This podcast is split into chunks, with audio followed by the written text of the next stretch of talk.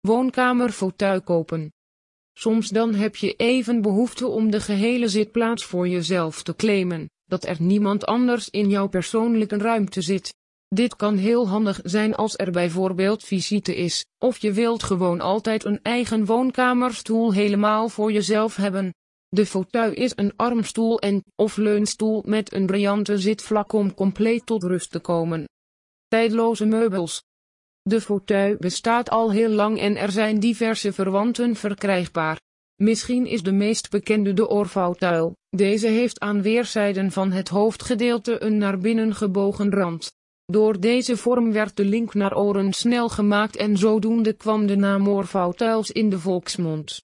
Relaxatie in de huiskamer.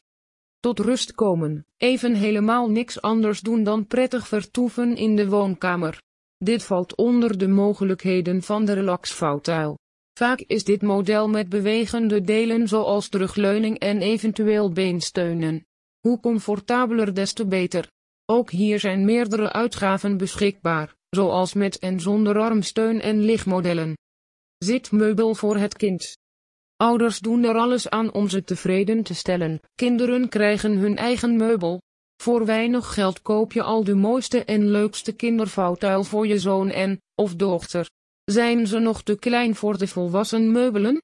En ze hoeven ook niet op de grond te blijven zitten? Geef ze een eigen woonkamerzitplaats, een mooi geschenk.